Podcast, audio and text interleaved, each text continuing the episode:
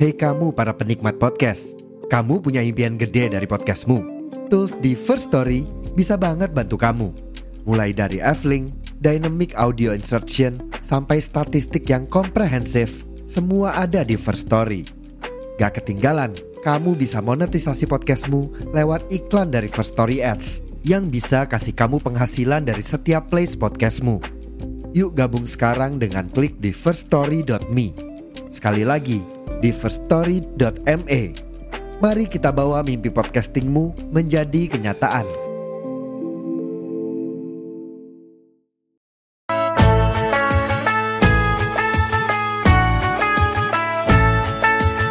Ramadan tiba, Ramadan tiba, Ramadan tiba. Marhaban ya Ramadan, marhaban ya Ramadan. Marhaban ya Ramadan مرحبا يا رمضان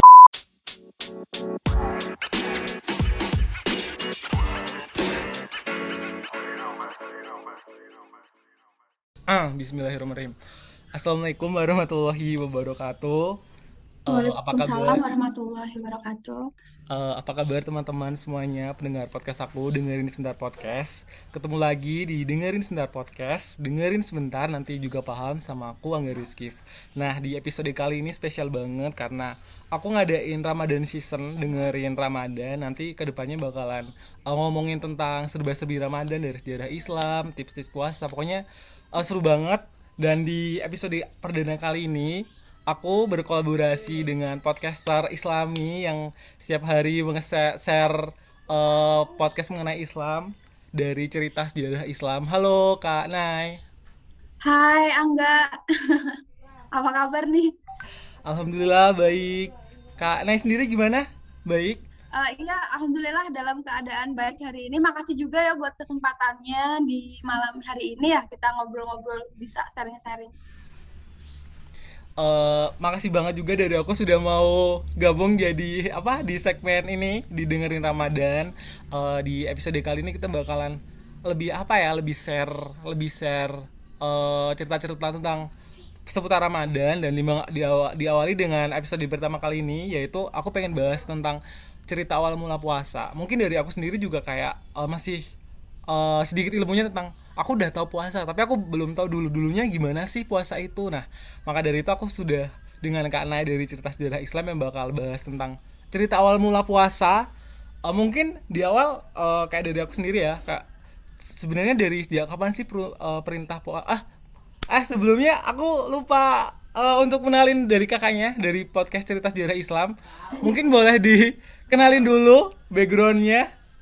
Terlalu bersemangat nih. Eh, iya, ini aku naik dari cerita sejarah Islam podcast. Sebenarnya podcast ini tuh dibentuk atas dasar keresahan aku kayak sebenarnya kan cerita sejarah Islam kan banyak ya. Hmm. Apalagi kisah-kisah dari Al-Qur'an kan itu kisah-kisah terbaik yang diceritakan sama Allah gitu. Yang harusnya kita bisa mengambil nilai-nilai dari cerita itu kan itu cerita terbaik gitu. Tapi selama ini kita hanya apa ya hanya menggunakan cerita itu tuh cuma untuk sekedar dongeng untuk anak-anak gitu yang itu tuh bukunya cuma tipis gitu kan. Padahal buku ceritanya yang asli tuh bisa tebel banget dari Ibnu Katsirnya gitu. Dan untuk selanjutnya gimana caranya untuk dari cerita ini kita bisa mengol itulah orang-orang tuh bisa berpikir lebih dalam lagi tentang Islam gitu sih secara ringkasnya. Eh, kakak bikin untuk podcast cerita sejarah Islam ini dimulainya dari kapan sih? Apakah ada timnya khusus atau untuk eh, segmen-segmen tertentu juga dari cerita Eh, sejarah cerita Islam ini? sejarah Islam ini dimulainya di September tahun 2020 waktu itu baru sih baru aku yang memulai terus aku minta bantuan teman-teman tuh buat nge-record jadi aku bikin skripnya terus teman-teman yang bantuin nge-record gitu Hmm, jadi eh, semua tergantung dari kakak. Jadi ada teman teman-teman yang bantuin untuk eh, ininya sendiri. iya untuk editing untuk membuat skrip research materi itu saya yang ngerjain Keren banget sih. Emang aku juga benar sih. eh, sekarang juga banyak yang konten-konten Islam itu menurut aku juga eh, masih kurang yang apa ya? eh, menceritain tuh nggak nggak sesederhana sesederhana itu loh. Jadi nggak semua bisa menerima gitu loh. Kadang ada yang bahasanya terlalu berat. Nah kalau dari cerita sejarah Islam ini menurut aku ringan dari bentuk visualnya, dari gampang di eh, gampang diterima dari aku sendiri kayak gitu. Iya, makanya dari pembuatan podcastnya sendiri itu yang paling susah emang membuat skrips kan. Jadi gimana Hmm. caranya kita bisa itu tuh masukin nilai-nilai sejarahnya, nilai-nilai yang bisa diambil di dalam satu skrip itu gitu. Jadi itu masih jadi PR untuk kami juga dari sa- sampai saat ini. Oh, Oke, ngomongin sejarah nih, eh, pas banget kan segmen aku eh, dengerin Ramadan. Nah, di dengerin Ramadan ini aku pengen banget eh, Ramadan identik dengan puasa ya. Tapi mungkin dari aku sendiri Iya. juga kayak eh, masih belum tahu. Aduh, puasa dulu dulu dulu awalnya gimana sih? Dari mana sih eh, cerita itu eh, dibuat kayak gitu. Nah, di episode kali ini aku bakal ngomongin tentang cerita awal mula puasa dengan narasumber Kanahayu. Eh, mungkin dari pertama eh, pertanyaan pertama kali ya. Eh, se- sejak kapan sih sebenarnya perintah puasa itu disyariatkan? Eh, kalau kita kan sebentar lagi ini bulan Ramadan ya. Nah, Hmm. kalau puasa Ramadan sendiri nih, dia tuh disyariatkan di tahun kedua Hijriah. Hmm. Nah, tahun kedua Hijriah, tahun pertama Hijriah kan ditandai dengan hijrahnya Nabi Muhammad ke Madinah kan. Iya. Nah, hijrah itu dilakukan di tahun ke-13 kenabian Nabi Muhammad gitu. Jadi puasa Ramadan ini kayak sekitar 13 tahun setelah Nabi Muhammad jadi nabi baru ada perintah puasa Ramadan. Tapi nih sebelumnya sebelum Ramadan ini diturunkan oleh Allah tuh udah udah ada puasa yang dilakukan sama sama Nabi Muhammad di saat itu gitu. Namanya puasa Asyura atau puasa Muharram. Pernah dengar nggak? Pernah pernah pernah pernah puasa Muharram. Nah, Hmm. Jadi pertama dulu tuh itu asalnya dari puasa Asyura gitu. Kan dulu di Madinah salah satu salah satu kabilah yang gede di sana kan kabilah Yahudi kan. Hmm. Nah, kabilah orang-orang Yahudi ini puasa Asyura karena di tanggal itu merupakan tanggal baik di mana Nabi Musa Nabi Musa itu dia itu lolos dari kejaran Fir'aun yang sampai Fir'aun ditenggelamkan itu loh pernah dengar ceritanya nggak? Pernah pernah pernah pernah pernah. Nah, itu itu itu itu di itu itu diagungkan sama pen- sama orang-orang Yahudi karena Nabi Musa kan nabinya orang Yahudi kan dan dipuasalah itu puasa Asyura gitu. Tapi karena Nabi Muhammad juga memang itu kan mempercayai Nabi Musa sebagai nabi sebelumnya gitu dan mentaatinya akhirnya Nabi Muhammad juga melakukan puasa itu. Tapi Nabi Muhammad membedakan dengan puasa yang dilakukan oleh orang Yahudi itu. Jadi kayak ditambahin di tanggal 9 sama tanggal 11. Jadi ketika puasa Muharram di Islam kan tanggal 9, 10, 11 tuh. Hmm. Nah, kalau puasa Asyura tuh di tanggal 10 aja. Hmm, oke oke. Jadi Nah, itu sih. puasa Ramadan ini kan eh, berarti disyariatkannya tuh eh, tahun kedua Hijriah ya? Iya, ke tahun ke-13 kenabian Nabi Muhammad. Hmm, nah itu kan eh, apa namanya? Dulu eh, dua tahun setelah Nabi tiba di Madinah, ya Nabi Muhammadnya baru disyariatkan puasa ketika dia eh, udah eh, tiba di eh, di Madinah. Benar. Nah, kenapa sih eh, perintah puasa itu baru diturunkan setelah Nabi hijrah ke Madinah, bukan pertama kali du- dulu waktu beliau di Mekah? Nah, coba kita tengok lagi ke itu surat yang menerangkan bahwa diturunkannya perintah puasa itu tuh ada di Quran surat Al-Baqarah ayat 183. Bunyinya tuh begini. Hai orang-orang yang beriman, di sini ditulis ini, hai orang-orang yang beriman, Hmm. diwajibkan atas kamu berpuasa sebagaimana diwajibkan atas orang-orang sebelum kamu agar kamu bertakwa. Nah, di sini kan Allah menggaris kita garis bawahi ya Hmm. jawab bahwa perintah puasa ini diturunkan kepada orang-orang yang beriman. Nah, sebenarnya definisi iman sendiri itu apa sih?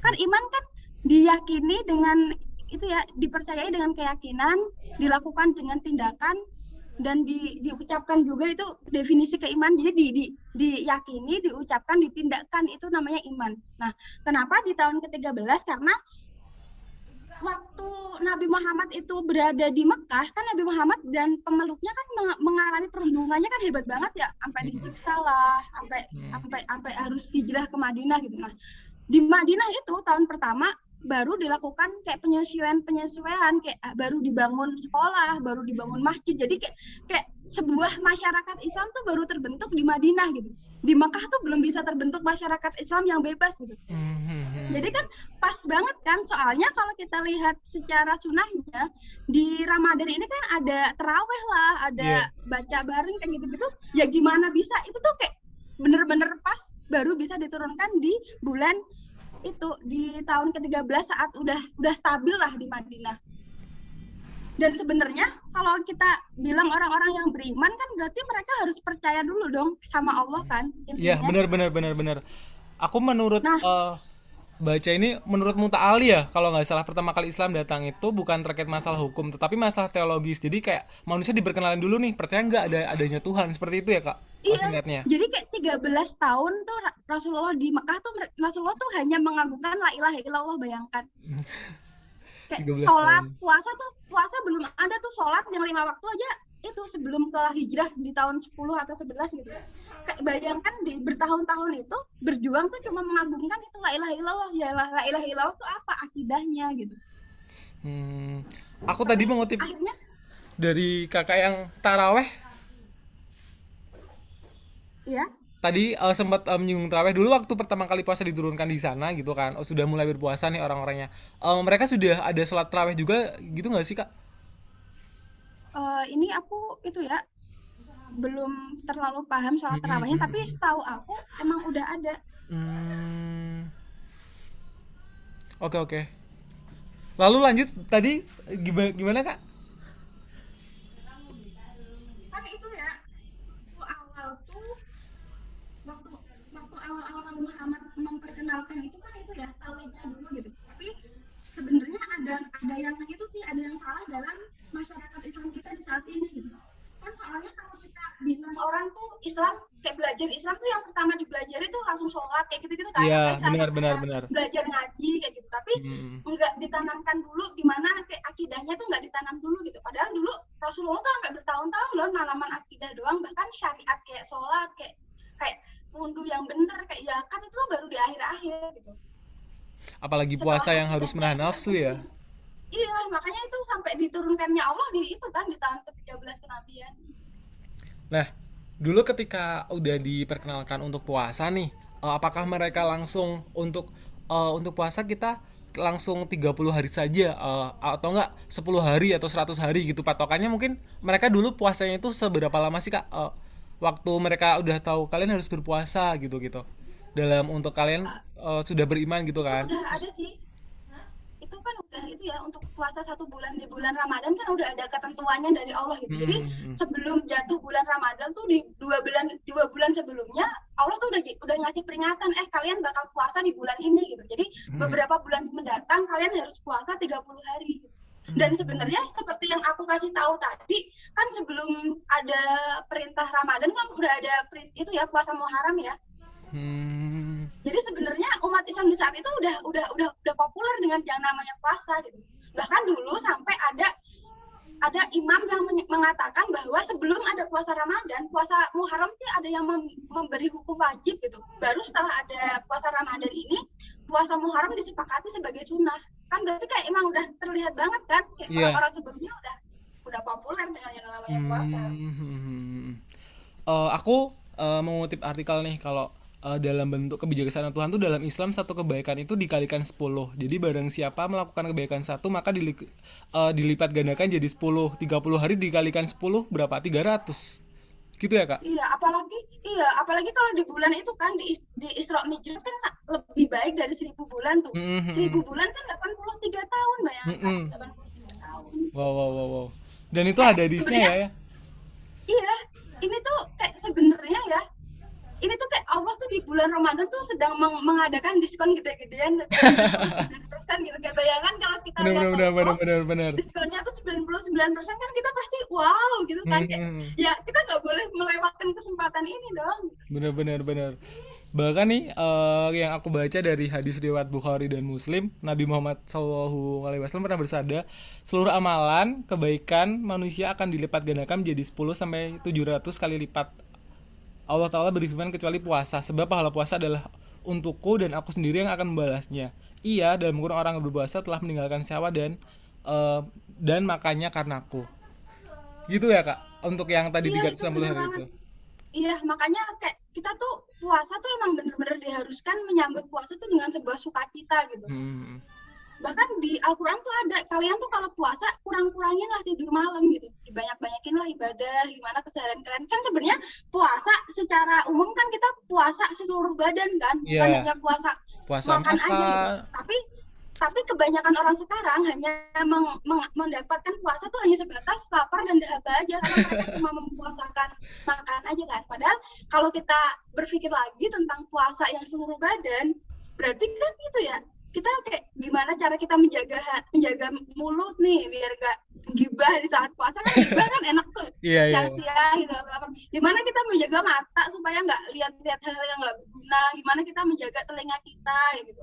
Apalagi jari-jari kita kan di saat ini gitu di media sosial udah semakin semakin Makin- merajalela konten apa pun bisa kita dapatkan gitu. Itu kayak itu tuh perang kita di saat itu tuh hal kayak gini gitu puasa mata sih sebenarnya yang paling berat ya karena kita kan uh, Nah, iya. HP kayak tiap hari mau nggak mau lihat kita bahkan kita udah filter tapi teman tiba-tiba ngepost yang nggak kita pengen gitu kan itu di luar kendali kita ya. Nah eh, ya dulu ketika eh, Nabi Muhammad puasa Ramadan itu gimana sih kak? Tahu nggak waktu ketika eh, Nabi Muhammad itu menjalankan puasa Ramadan terus setelah di, eh, disyariatkan? Mereka eh, Nabi Muhammad menjalankannya gimana sih? Apakah tantangannya lebih besar dari kita? Pasti ya kalau itu pasti. besar. Iya, pasti lebih. Bahkan ya dulu tahu pernah dengar tentang perang Badar nggak? ah iya iya iya iya itu nanti dibahas di perang terakhir Badar ada itu oh. perang ya perang Badar itu perang pertama yang dilakukan oleh Rasulullah itu di tahun kedua Hijriah. Jadi Hmm. perang Badar itu dilakukan di saat Ramadan bayangkan. Ramadan pertengahan Ramadan umat Islam melakukan perang Badar. Kayak, kalau kita di kondisi saat ini nih lagi puasa tiba-tiba eh ayo dong kita ada Rasulullah mau perang nih. Kita membayangkan sebuah perang di zaman itu kan perangnya bukan perang pemikiran ya. Iya, Karena iya. benar-benar ke perang fisik gitu. Iya iya iya iya. Bener lagi puasa, habis itu tantangannya eh gila sih, nggak kebayang sih kalau aku. Iya kan? Padahal dalam sebuah perang kan nggak cuma fisik aja yang terkuras gitu kayak pikiran, perasaan, Iya. itu kayak complicated banget gitu. Iya. Nah, di saat perang Badar itu umat muslim tuh ada ada 300 orang dan orang-orang Quraisy si lawannya tuh ada 1000 orang tapi dengan Hmm. dengan itu dengan bantuan Allah di saat itu umat muslim tuh benar-benar menang secara telak gitu loh di saat Hmm. itu Pak, dalam kondisi puasa. Nggak kebayang sih Sama- kalau aku. Sama ada lagi nih, ada lagi cerita Apa? perang di Mm-mm. itu perang Kandak pernah dengar yang Salman Al Farisi Eh, belum belum belum kak, gimana itu? Nah, itu kan dulu ya Rasulullah tuh waktu di Madinah ada umat di, di, di luar Islam yang mau menyerang Islam. Akhirnya ada tuh satu orang bernama Salman Al Farisi yang ngindi buat dibuat parit waktu untuk di sekeliling Madinah gitu. Hmm. Nah, perangnya itu terjadi setelah terjadi di bulan Syawal, di bulan setelah bulan Ramadan. Jadi Hmm. persiapannya itu ada di bulan Ramadan. Nah, di saat itu kan umat Islam mau buat parit tuh Hmm. Bayangin parit yang dibuat itu gimana caranya agar parit itu ka- ketika ada kuda tuh nggak bisa melepati parit itu terus kalau kudanya jatuh ke bawah kudanya nggak bisa naik ke atas. Dan parit itu kalau cuma kalau lebar kalau panjangnya cuma semeter kan bisa lewat samping ya. Nah itu gimana caranya supaya paritnya ngelingkarin kota Madinah? Bayangkan. Nggak jadi kebayang. ada yang bilang, ada yang bilang saat itu tuh paritnya itu dalamnya itu sekitar sekitar 4 meter, 4 5 meter, lebarnya sekitar 4 meter, terus panjangnya tuh sekitar 6 kilometer bayangkan. Gila. Dan kalau kita Iya lihat lagi, Madinah kan itu ya. Madinah itu tempatnya itu sangat-sangat keras tandus, Iya, berpasir, iya. berbatu. Dan panas kan? Iya. Bayangkan di saat puasa itu itu gali parit segitu banyaknya bayangkan. Sudah tenaganya, aduh, itu sahurnya berapa kali makan, berapa kali buka puasa langsung minumnya, wah gitu kali ya. Nah, dan di kondisi perang kan makanan itu ya Hmm. terbatas ya. Oh iya. Ya itu wah itu kayak gitu loh. Nah, terus kita di sini suka dengar gak sih pernyataan orang tuh bilang, "Wah, kalau puasa tuh tidur aja udah itu, udah udah udah dapat pahala, tidur aja kita gitu." Tapi kita mikir dong gitu. Kan Allah lagi ngobrol nih gede-gedean. Iya, iya, Iya iya. sih tidur itu jadi ibadah, tapi tidur setelah kita capek capek belajar atau capek-capek dakwah atau capek-capek berjalan Bukan jalan yang Allah diniatkan gitu. tidur Mungkin- ya. Iya, mungkin kalau dulu ya para sahabat dan Rasul habis gali tanah tuh sampai berkilo-kilometer dengan dengan medan yang kayak gitu terik batu, terus mereka kalahan dan tidur itu yang namanya ibadah gitu. Tapi ketika kita cuma rebahan doang, nonton IG, nge-game, terus kita tiba-tiba oh tidur puasa ibadah, hello itu kayaknya ah, setan-setan di luar sana ketawa kayaknya Iya iya iya. Bener bener bener bener bener. Nah, eh, selama berpuasa kan ada perang Badar itu. Tapi ada nggak sih kak? eh, maksudnya ada kebiasaan nabi atau amalan yang waktu mereka lakuin eh, ketika puasa amalan yang mungkin bisa kita tiru dan relevan sampai sekarang itu sebenarnya amalannya emang itu sih kayak perbanyak baca Quran, sholat, Hmm, hmm. sholat, sholat sunahnya, sholat, sholat wajibnya apalagi kan teraweh. Hmm, terawih. Dan ada sebenarnya aku sayang sebenarnya kan Nabi kalau kita lihat sunah sunahnya dia tuh gaya hidupnya sangat sehat kan, Hmm. bener nggak? bener bener bener Nah sebenarnya ada ada sesuatu yang miss dari persepsi kita terhadap Ramadan ini. Iya. Selama ini kita menganggap Ramadan itu hanya se- sebagai sebuah apa ya, sebuah perintah Allah yang harus dijalankan gitu. Puasa 30 hari kalau kita mikir cuma sebatas itu kayak berat banget gak sih puasa 30 hari berturut-turut? iya bener bener bener bener bener bener. Tapi kita nggak pernah menganggap ini sebagai sebuah gift dari Allah gitu. Nah, itu kan tadi Allah bilang ya untuk orang-orang yang beriman agar kamu ntar bertakwa gitu. Hmm, Kenapa kita bisa nyebut ini sebagai gift gitu? Karena hmm. kalau kita bener nih ya puasanya, kalau kita bener nih puasanya, beres puasa tuh kita jadi makin sehat dan makin bertakwa gitu. Jadi ketika kita beres puasa itu nggak sehat, berarti ada yang Hmm. salah dengan puasa yang kita lakukan. Apalagi sekarang kan, kayak kalau baca berita-berita di, di di waktu puasa nih, pasti banyak yang bilang kalau banyak makanan yang kebuang bener bener Kayak bener sampah makanan di puasa tuh meningkat banget kan? bener bener bener Nah, apalagi ketika padahal- berbuka mungkin ya. Ketika berbuka nggak ada Iya yang kan? datang terus habis itu ya udah deh gini giniin gitu. Dan kita kayak mentang-mentang seharian kita udah puasa kita berbukanya kita nggak kontrol makanan kita kita Iya suka-suka gitu. bener bener. Nah padahal kan sebenarnya ya Rasul tuh nyontohin kita kayak makan yang manis dulu lah.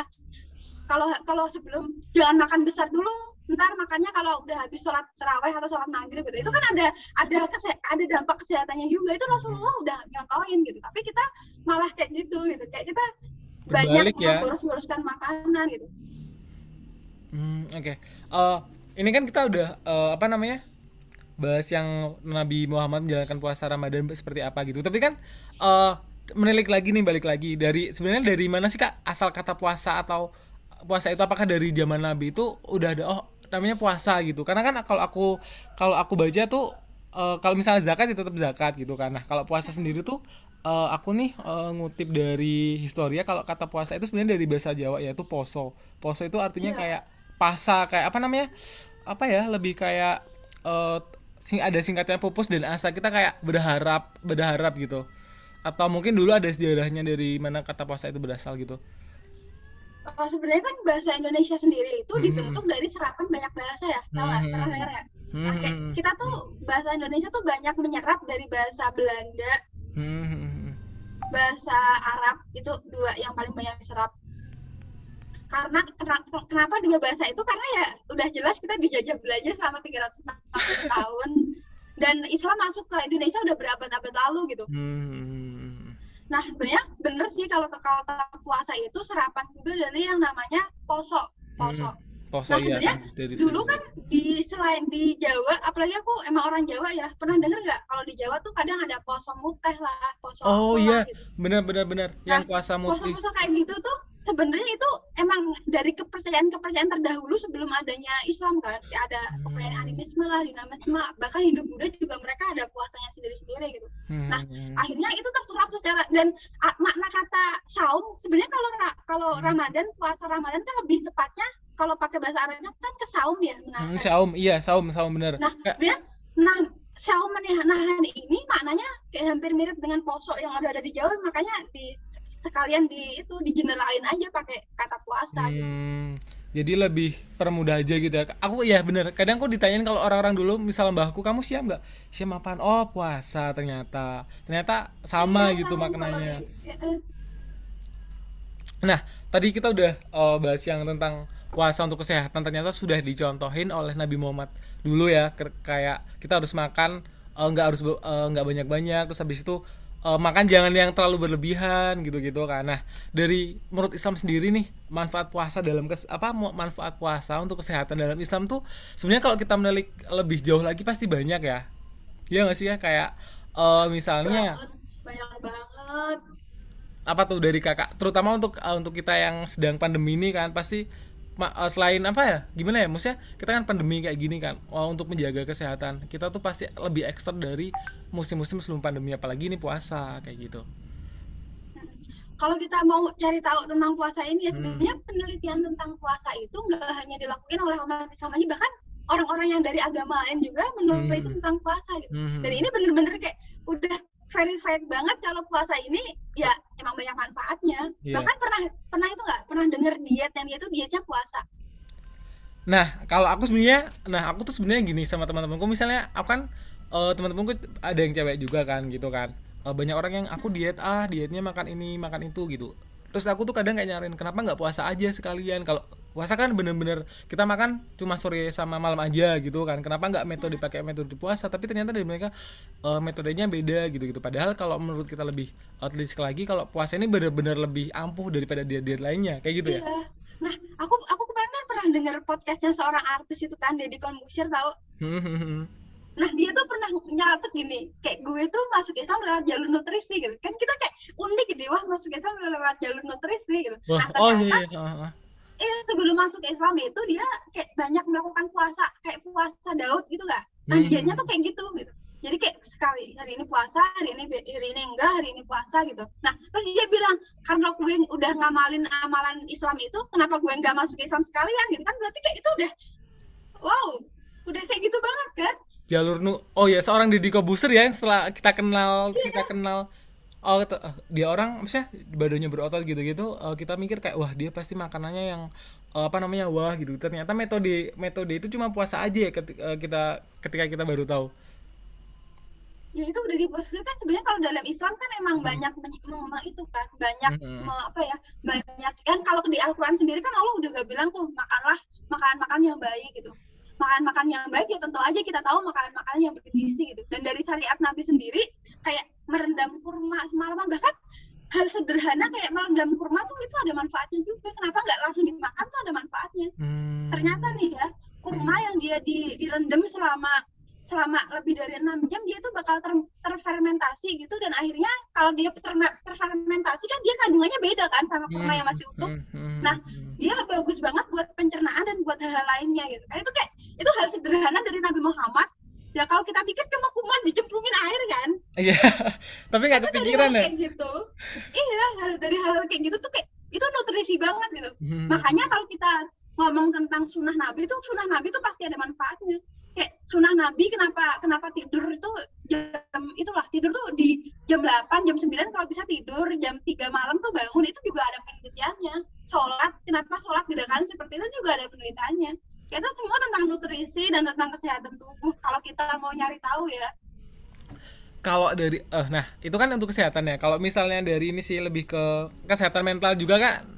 Menurut kakak pernah nggak sih baca kalau eh, puasa itu mempengaruhi kesehatan mental kita juga gitu? Pernah nggak ada aku aku kemarin baca artikel di bahasa Mhm. Inggris ya nah itu ada ada penjelasannya kenapa puasa itu 30 hari sebenarnya Mhm.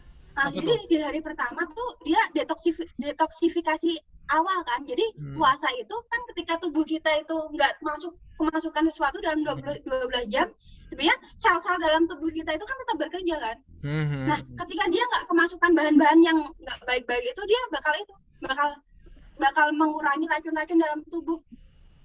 Makanya di penelitian itu tuh dijelasin kalau dari waktu awal-awal kayak 1 sampai 8 hari itu kita lagi lagi di masa itu kayak lemes-lemesnya kayak nahan-nahan lapar banget gitu. Mhm. Nah, di waktu ntar di pertengahan kita udah mulai mulai fresh lah pernafasan tubuhnya udah mulai mau menerima dan di akhir-akhir tuh di 20 20 hari ke bawah kita tuh kayak udah udah tubuh kita tuh udah sangat menerima puasa gitu. Jadi itu akhirnya akan berpengaruh juga katanya ya di penelitian itu ke pemikiran kita dan ke perasaan kita juga. Apalagi kalau kita puasanya murni untuk Allah gitu kan Iya. Sebenarnya mhm. itu kan berpengaruh juga kan ke ke pemikiran kita lah Benar, keyakinan benar, kita apalagi ke hadapan kita kalau kita Iya, punya benar, sesuatu benar, seseorang si maha yang maha kuasa kayak Allah sebagai hadapan ya apa yang akan kita takutkan gitu menarik menarik menarik banget menarik banget. Nah kalau dari aku sendiri nih sebenarnya kan selain yang tadi kak sebutin kalau uh, puasa itu bisa untuk tubuh sendiri gitu gitu kan. Puasa sebenarnya kan kita juga bisa puasa yang lainnya ya selain menahan menahan lapar dan dahaga pasti kita juga menahan kayak uh, menahan hawa nafsu. Karena ini penting banget sih menurut aku menahan hawa nafsu itu lebih Eh, iya, menurut, menurut aku lebih penting daripada yang tadi itu loh selain selain tadi yang kita tahan untuk uh, tidak makan tidak minum menahan hawa nafsu. Apalagi sekarang era yang digital sekarang ini tuh banyak banget yang hal-hal yang kayak apa ya gampang ke trigger gitu loh kayak lihat sosial media lihat kayak aduh jadi iri gitu gitu itu padahal kan kita lagi puasa terus abis itu kita eh, apa namanya lihat teman kita update status beli apa terus wah aduh pengen banget gitu kan itu juga kayak bisa menimbulkan Iya, banget, hati bener banget. itu juga salah satu pengaruh puasa juga nggak sih untuk menahan hawa nafsu gitu gitu itu itu paling penting Iya. di garis untuk untuk terutama udah orang-orang dewasa gitu ya untuk nggak marah untuk. Untuk menahan emosi kita gitu-gitu ya nggak sih menurut aku itu lebih penting sih kalau misalnya untuk kita selain yang tadi itu Tapi kalau kita ngomong hawa nafsu, sebenarnya dulu kalau kita Hmm. flashback lagi ke sejarahnya, kan Nabi Adam juga turun karena hawa nafsu kan. Dia Hmm. terpengaruh dengan godaan setan gitu. Iya. Nah, sebenarnya hawa nafsu ini nih yang jadi musuh utama kita sebagai Nah. manusia dan sebenarnya Nah, kan itu. tadi di, di Quran surat Al-Baqarah ayat 183 kan itu kan, hai orang-orang yang ber- beriman berpuasa kamu seperti orang-orang sebelumnya agar kamu bertakwa. Nah, kunci takwa ini kan salah satunya yaitu dengan pengendalian hawa nafsu tadi. hawa nafsu Hmm.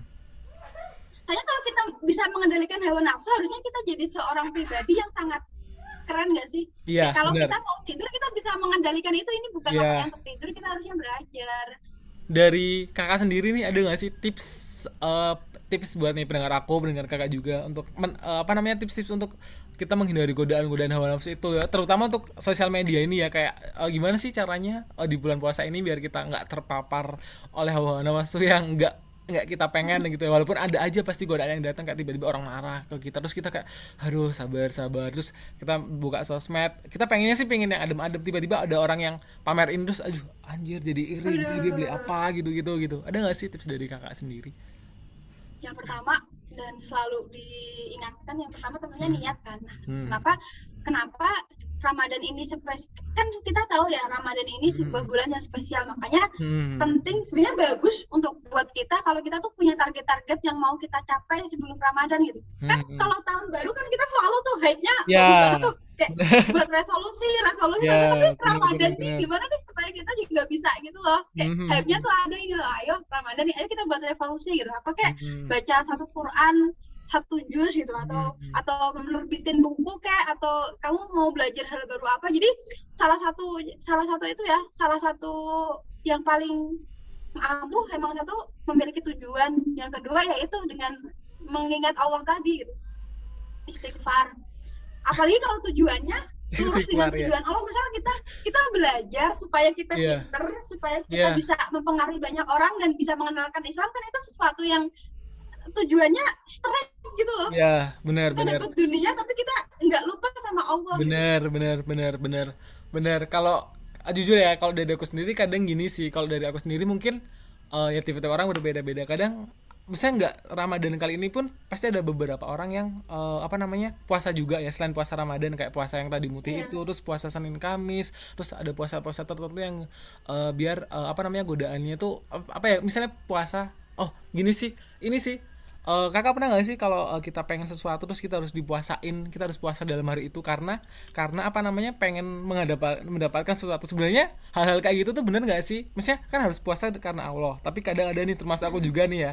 Kadang ada yang aku puasa karena ya Allah aku pengen puasa biar aku dapat eh, kerja di kementerian gitu misalnya. Terus aku pengen kerja, eh, kerja aku puasa biar pengen dapat hadiah mobil gitu kan? Itu berarti eh, puasanya kan nggak karena Allah ya karena dapat mobil karena itu. Sebenarnya apa eh, dampaknya tuh gimana sih kalau kalau dari kakak sendiri?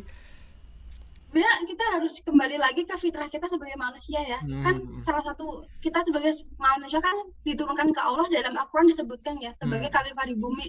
Hmm. khalifah itu apa sih? Wakil Allah orang yang mengemban amanah untuk menjaga bumi. Kayak kita tuh harus harus gimana caranya kita supaya diri kita tuh bisa jadi kuat dan bisa itulah ber- ber- berdaya gitu di bumi ini. Hmm. saya muslim yang baik kan muslim yang kuat ya Hmm. Nah, salah satu bentuk kita bisa berdi- ber- berdaya kan dengan cara mendapatkan apa-apa yang ada di dunia, bener gak? Kayak kita Hmm, mau kajian benar, nih, misal kajiannya di Jakarta kita butuh mobil dong. Hmm. Nah, sebenarnya nggak salah sih kita minta mobil, kita minta rumah ke Allah, tapi tergantung tujuannya apa. Hmm. Mobil itu, kalau mobil itu digunakan untuk yang baik-baik ya nggak apa, tapi jangan sampai kita cuma ber, minta ke Allah, tapi tujuan kita tetap hanya ke dunia gitu. Bener bener. Bener bener bener bener. Jadi tetap seimbang tapi eh, gimana bisa kita kontrol iya nggak?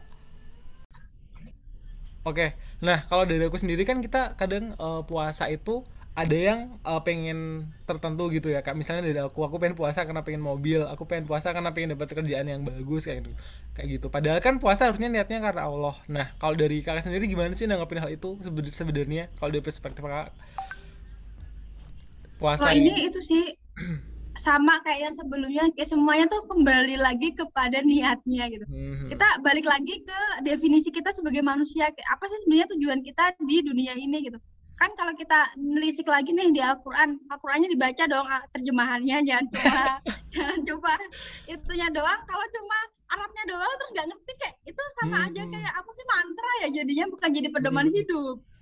mantra bener bener bener bener mantra agak tertampar sih ini bener bener Iya. bener bener bener bener Ya kan itu di Al-Qur'an itu ada Allah bilang sebenarnya aku akan menciptakan seorang khalifah di muka bumi yaitu siapa? Manusia. Yang manusia ini tugasnya apa?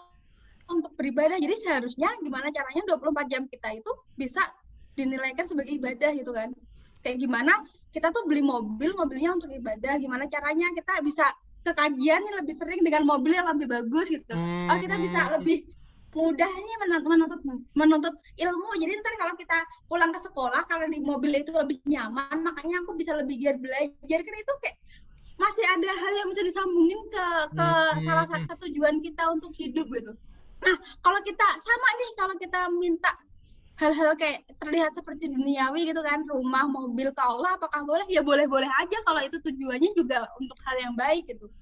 Hmm, jadi tetap eh, nggak apa-apa asalkan niat kita nggak yang eh, tetap kembali untuk ya nggak apa-apa eh, siapa tahu dengan kamu beli mobil kamu beli motor ibadah kamu lebih lancar kamu dapat kerjaan Iya, bagus kamu makin gitu lebih banyak enak kan. Mm-mm. Iya dengan mobil kamu ada kita jeder-jeder kamu masih bisa ke masjid daripada kamu pakai motor kan lebih susah deh. benar benar benar benar benar.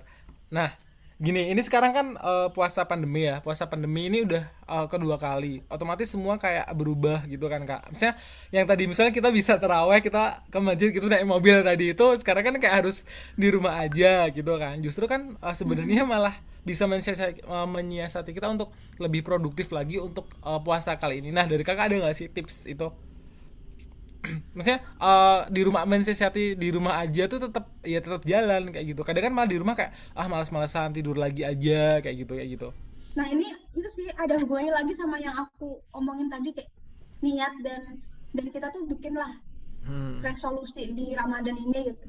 Kalau kita punya resolusi kan setidaknya sekecil-kecilnya kita pasti inget dong kita mau ngelakuin itu gitu. Iya Nah, dan ini aku ada ada apa ya ada kutipan yang yang itu yang bagus juga sebenarnya waktu kita tuh cuma cuma di antara dua hal antara itu untuk hal yang bermanfaat atau apa itu untuk hal yang nggak bermanfaat gitu kan. Hmm. Nah, ketika kita melakukan hal yang nggak yang bermanfaat ya tentu aja kita bakal ke bawah hawa nafsu tadi tuh. Nah, gimana caranya supaya kita tuh tetap strike di di bulan Ramadan tuh tetap itu gitu, tetap on fire ya. Tadi caranya dengan tetap tadi mengingat kita tuh ibadah di dunia buat apa gitu kan. Hmm, Kita hmm. diturunkan ke dunia ingat-ingat guys tidak hanya untuk scrolling main TikTok, Instagram atau tidak hanya untuk tidur gitu, tapi untuk beribadah. Gimana caranya? Bahkan gimana caranya tidur kita tuh akhirnya jadi produktif ya kan. Gimana sih benar tidur benar. yang produktif? Itu tidur yang direncanakan yang dia itu emang tidur karena tubuhnya butuh tidur gitu. Bukan karena tubuhnya males cuma pengen tidur aja. Nah di obrolan Jadi, awal sebenarnya ya ini aja. Sebenarnya kan gimana? tadi kalau di kalau di Ramadan juga kan ada yang namanya sholat itu tuh apa sih sholat sunnah yang malam tuh? Sholat. Sholat. Sholat yang gimana kak? Sholat sunnah malam. ada tuh. Apa sih yang di Ramadan sholat terawih kan? Heeh, heeh, heeh. Nah, dulu tuh sebenarnya itu tuh sholat terawih itu dilakukan Nabi Muhammad untuk menghidupkan malam-malam Ramadan gitu. Kan Hmm. bayangin kayak tiba-tiba Nabi Muhammad tuh waktu itu sholat sendiri tuh di masjid tiba-tiba orang ngikutin dia sholat gitu. oh itu awal mula terjadinya yang tadi itu ya Hmm. Iya, iya, iya, iya. Kan sebenarnya kayak kita bisa tahu kayak bahkan Rasulullah aja kalau dia gabut dia sholat gitu. baca Kayak dia ingat Al-Quran lagi ke Allah biar iya baca Quran, sholat atau dia kerja gitu. Dan menekankan pentingnya kita tuh menjaga pola hidup di saat puasa gitu. Nah itu ini tuh berpengaruh banget dengan tingkat keproduktifan kita gitu. Bayangin kalau kita tuh makannya bener, kita Hmm. tidurnya bener, kita pola hidupnya bener, Ramadan seharian tuh kita bisa kayak tenaga kita tuh lebih produktif lagi gitu. Jadi walaupun eh, puasa nggak makan nggak minum tetap harus kita harus punya hal eh, apa namanya produktif untuk ya tetap nyiasati gimana gitu ya. Iya kan, salah satunya ya itu Hmm. kalau kita disuruh disunahin buka, kalau kita bisa ber itu sahur ya kita seharusnya sahur dulu gitu. Kita mengerti itu tuh salah satu hal yang harusnya kita lakukan supaya seharian kita tuh tetap bisa produktif gitu. Hmm.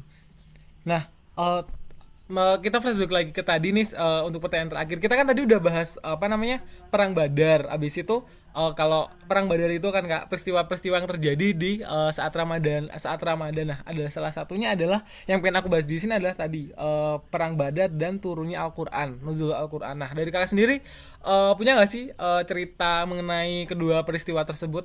Eh, misalnya kayak latar belakangnya kayak gitu kan kalau uh, Ramadan juga kan uh, apa namanya kita harus uh, disunahkan untuk berpuasa apa kok berpuasa Uh, membaca Al-Qur'an ya Sa- sat- uh, satu hari satu uh, bisa uh, sebisa mungkin malah satu jus one day one jus kayak itu kalau Iya. misalnya kita bisa tapi harus kuat kayak jangan gitu. dibaca doang, harus ngerti juga tambah bagusnya kita satu Hmm. ayat tapi kita itu kupas lebih dalam lagi gitu. Kayak percuma kita baca satu juz tapi kita nggak dapet apa-apa, kita cuma hafal, Iya, cuma benar-benar. kayak tadi yang aku bilang kayak mantra gitu kita memperlakukan Al-Quran seperti itu Hmm. kan tanpa Hmm. kita sadari gitu. Ya gimana bisa jadi Al-Quran itu sebuah pedoman hidup? Iya sih benar itu menurut aku juga salah satu dari aku uh, bulan aku kalau bulan Ramadan itu sebisa mungkin untuk uh, menyelesaikan satu uh, sebisa mungkin satu jus dua jus tapi aku juga balik tadi uh, benar kata kakak aku harus tahu nih aku harus aku baca apa nih nggak cuma berapa banyak yang aku baca tapi seberapa banyak juga yang aku tahu ketika aku membaca dia kayak gitu Iya, bener banget. Nah, sebenarnya selain turunnya Al-Quran dan Hmm. Perang Badar itu ada satu lagi nih peristiwa besar, Hmm. sangat besar.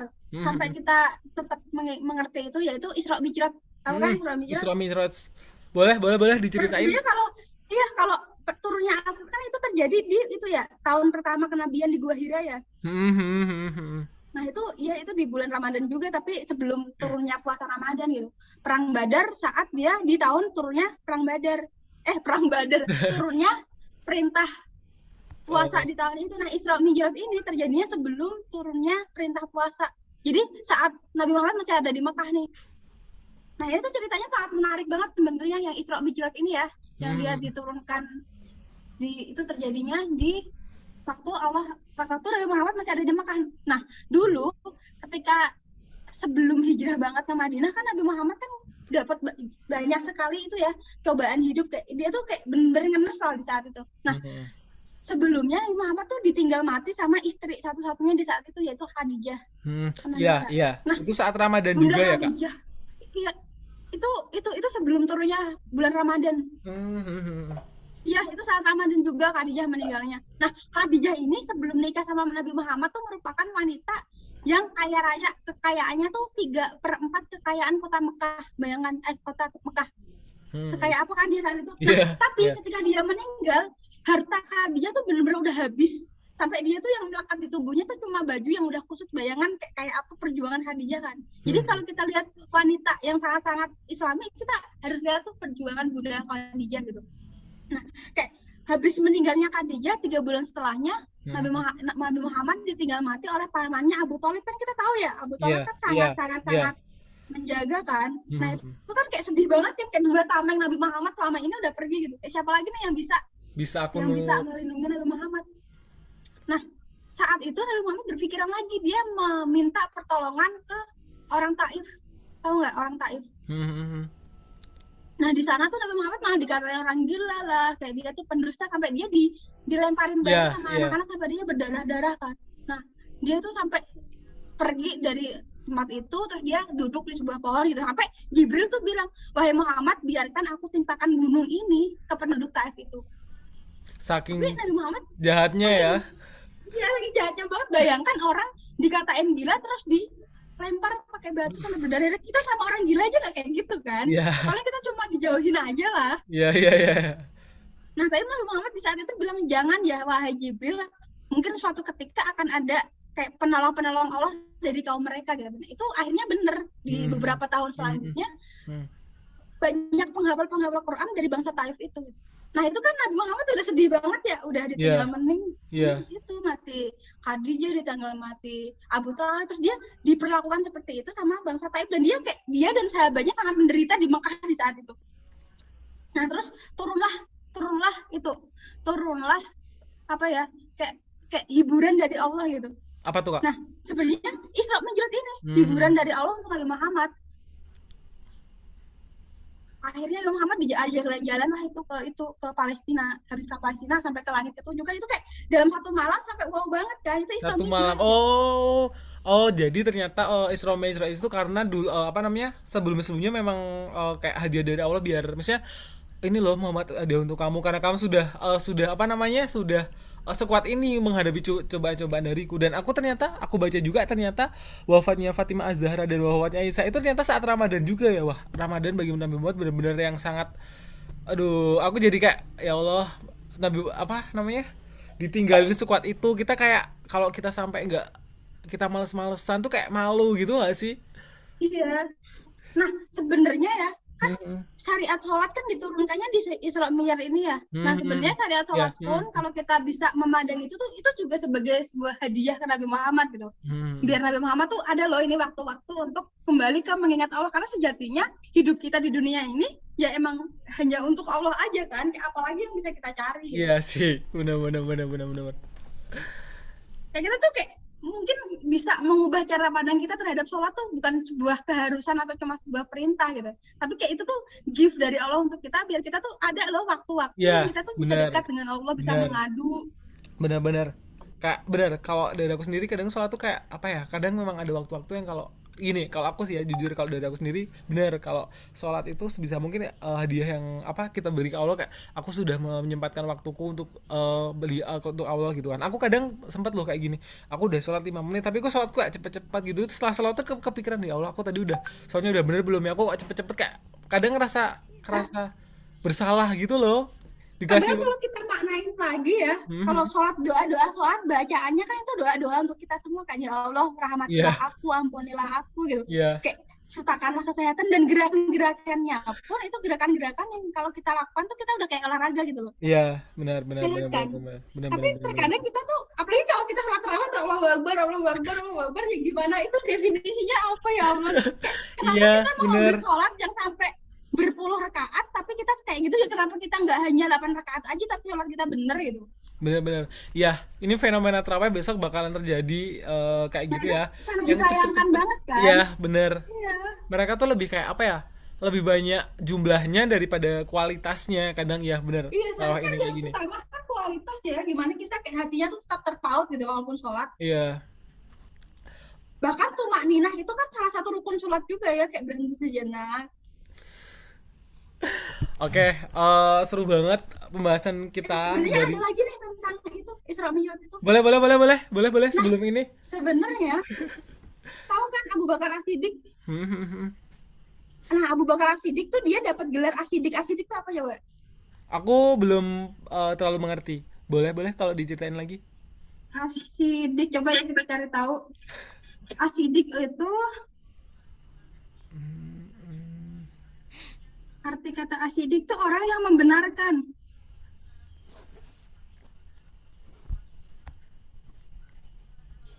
Seru banget nih jadi sharing-sharing.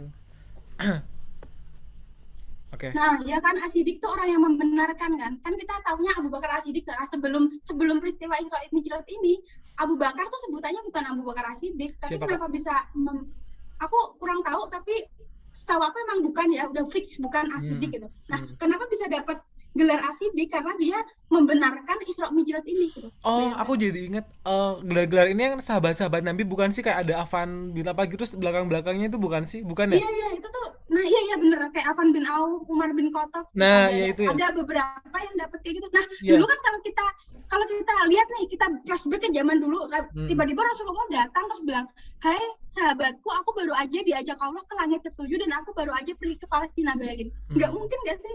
Iya, iya. Sampai saat itu tuh nggak bapak Wah Muhammad udah gila dia baru ditinggal mati istrinya ditinggal mati pamannya diusir dari Tauf dia sekarang gila gitu kayak bahkan Umar bin Khattab tuh di saat itu juga ada rasa-rasa kayak Nggak bener percaya. gak sih kayak meragukan gitu loh Hmm, hmm, hmm. nah orang pertama yang bener-bener yakin banget Rasulullah itu Abu Bakar Hmm, maka diberi gelar itu karena artinya per- mempercayai percaya apa kebenaran Iya, soalnya kan itu itu kan kayak gila banget kan di saat Iya, iya. orang unta aja kecepatannya berapa? Iya. dia naik apa coba? Nggak ada kereta di saat Iya. itu. Iya iya, benar. tapi kenapa akhirnya bener-bener orang tuh percaya? Karena di saat itu akhirnya di- diadakan sebuah forum dan didatangkan orang-orang yang baru pergi ke Palestina gitu. Terus Hmm. Nabi Muhammad di- ditanya coba dong tolong dijelaskan di di Palestina ada apa? Bangunannya warna apa? Pintunya ada di mana? Dan Nabi Muhammad bisa menjelaskan itu semua Wow. bisa menjelaskan pakaian orang di sana gimana? Hmm. kayak orang-orangnya seperti apa? Makanya itu benar-benar bisa dipercayai Isra Mi'raj itu. Hmm, hijrah ya. Nah sebenarnya ada lagi sih yang mau aku tekankan di sini gitu. Boleh boleh boleh. Kak. salah satu hal yang bisa mengantarkan kita ke surga kan syafaat dari Nabi Muhammad bener nggak? Hmm benar benar benar. Salah satunya. Tapi kita baru bisa mendapat syafaat itu kalau kita menguswatun hasanah Nabi Muhammad kita meneladani Nabi Muhammad bener nggak benar benar benar benar tapi gimana caranya kita bisa meneladani Nabi Muhammad kalau kalau kita nggak tahu kisah-kisahnya Nabi Muhammad padahal kita bisa tahu tuh kisahnya Naruto kisahnya Luffy One Piece kan kita tahu iya kan iya iya iya iya kan tapi Nabi Muhammad bener. kita nggak ngerti kita cuma tahu Bener, oh istrinya ada berapa itu oh dia Iya. nikah sama Aisyah tapi kita juga nggak tahu kenapa latar belakangnya Nabi Muhammad melakukan itu benar benar benar benar aku jadi flashback masa kecil dulu ya Allah benar benar benar benar benar benar benar yang harus ngafalin benar benar benar benar benar.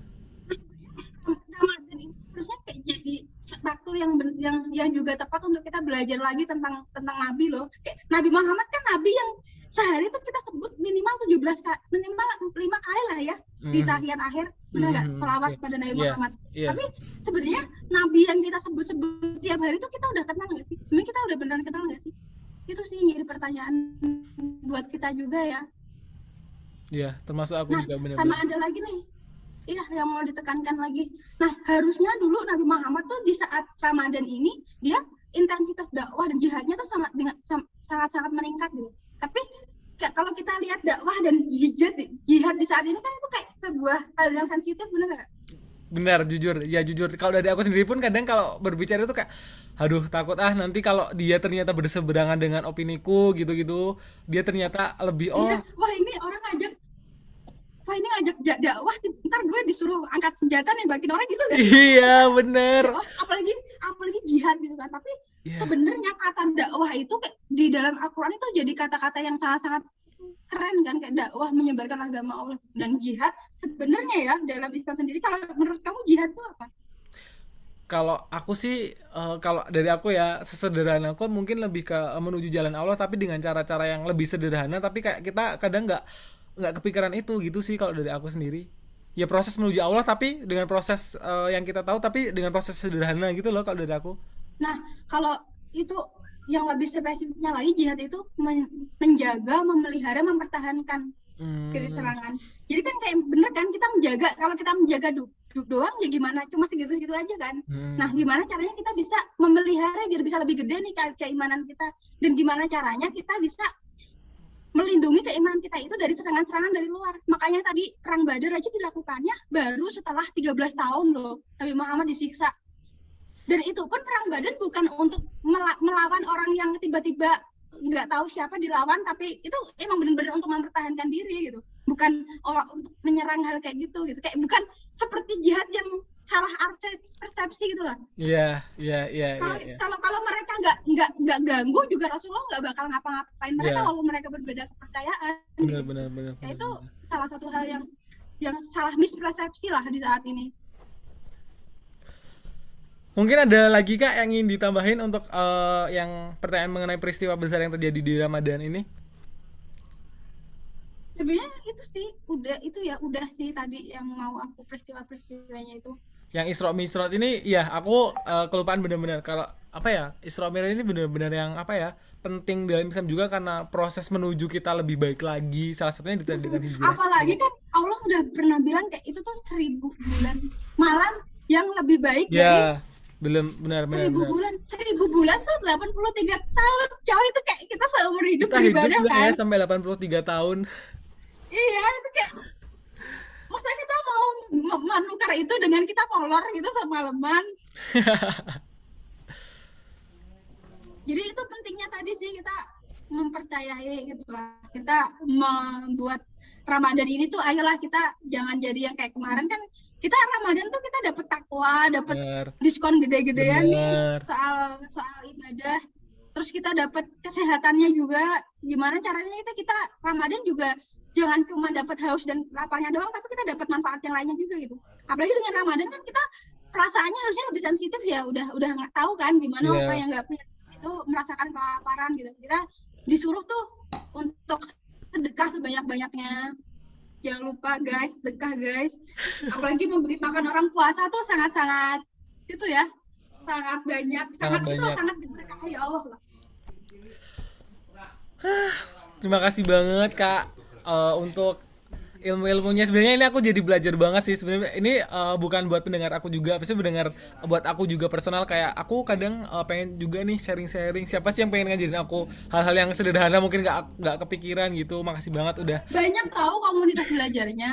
Aku juga ini aku nah sebenarnya ya salah satu hal supaya kita tuh bisa menjaga menjaga keyakinan kita supaya kita tetap strike lulus gitu lah. Hmm. salah satunya tuh dengan memiliki kayak lingkungan yang juga seperti itu gitu komunitasnya. Jadi kayak kalau kita ada apa kita ada bisa bisa jadi bisa ada tempat untuk bertanya atau tempat untuk sharing-sharing kayak gini mungkin seminggu sekali gitu. Besok kita eh, agendain lagi atau mungkin bisa collab dua kali lagi cerita dengan cerita sejarah Islam juga nggak apa-apa oh gitu.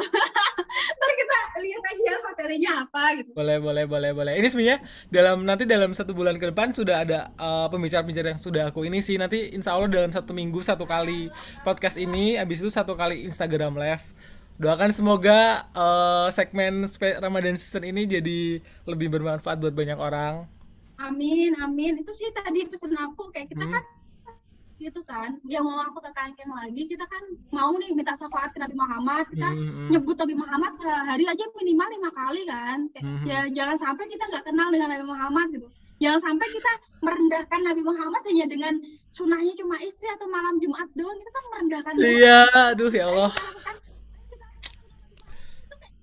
nadanya kayak lebih ke negatif gitu. iya Hanya sekedar iya benar-benar malam Jumat aja itu itu itu merendahkan guys jangan seperti itu ya. Kayak itu oh my god jangan kita kayak gitu. Karena ya yang kita tahu apa pun yang dilakukan Nabi Muhammad tuh pasti bermanfaat gitu. Bahkan ya ada yang bilang hadis malam Jumat tuh hadis palsu gitu. Itu Hmm. nggak kayak gitu. Oke, eh, mungkin mungkin eh, dari ini sekian dulu kak. Ya kalau ada yang mau di sharingin bilang bilang aja ya Boleh banget nanti Tanya-tanya. aku eh, nanti aku coba buat eh, episode di- berikutnya mungkin dengan Instagram Live atau kita bikin eh, materi-materi yang lainnya. Dari aku eh, mungkin kesimpulannya sudah di dari kakak semua. Intinya adalah eh, apa? Dari aku sendiri juga kayak pengen eh, kasih pesan kalau Ramadan itu benar-benar sebisa mungkin dimanfaatin sebagus eh, sebaik-baiknya dengan dengan Iya, apa ya kayak ini kita berbagi Allah konten kayak gini juga sebisanya dengan skill yang kita punya kayak apa namanya sih yang penting tuh jangan jangan sampai kamu buat tidur tiduran aja. Dan salah banget sebenarnya kalau kita memaknai puasa buat tidur tiduran tidur tiduran aja. Padahal tuh dulu tidur tidur apa tidur dan saat puasa tuh ada kisah eh, kisah pedih di baliknya. Bukan cuma ah puasa tidur kayak gitu enggak. Itu dari aku sih mungkin. Ya thank you udah jadi Oh, udah oh, dikasih terima kasih. Oh, iya. Boleh. Oh ya kak. Eh, ini untuk penutupan. Biasanya kalau didengerin sebentar podcast nih kan ada tagline-nya tuh eh, dengerin sebentar nanti Iya. juga paham. Nah karena ini spesial Ramadan na- eh, apa namanya pengen diganti tagline-nya spesial Ramadan yaitu dengerin Ramadan nanti dapat kebaikan. Nah nah dari aku nanti bilang dengerin Ramadan boleh nggak dari kakaknya? De- dengerin Ramadan terus balas eh, nanti dapat kebaikan. Boleh boleh boleh bagus ya tagline-nya Oke, sebelumnya terima kasih banget pokoknya buat Kak eh, Kak Nay, Kak dari cerita sejarah Islam. Semoga eh, kontennya semakin bermanfaat. Kita bisa kolaborasi lagi, kolaborasi, kolaborasi lagi. Kita bisa bertemu, mungkin bisa bertemu juga sharing-sharing mengenai ini seru banget serius. Ini baru pertama kali tapi buat aku bener-bener ada satu dua eh, pesan dari karena yang oh iya ya aku oh iya ya gitu loh. Semoga nanti pendengar aku juga kayak gini. Pendengar dari kakak juga kontennya makin bermanfaat. Terima kasih. Uh, Amin. dari aku Angga Rizkif uh, jangan lupa Eh, dengerin bentar bentar. Iya iya boleh boleh. Gimana? Eh enggak enggak. Lanjutin aja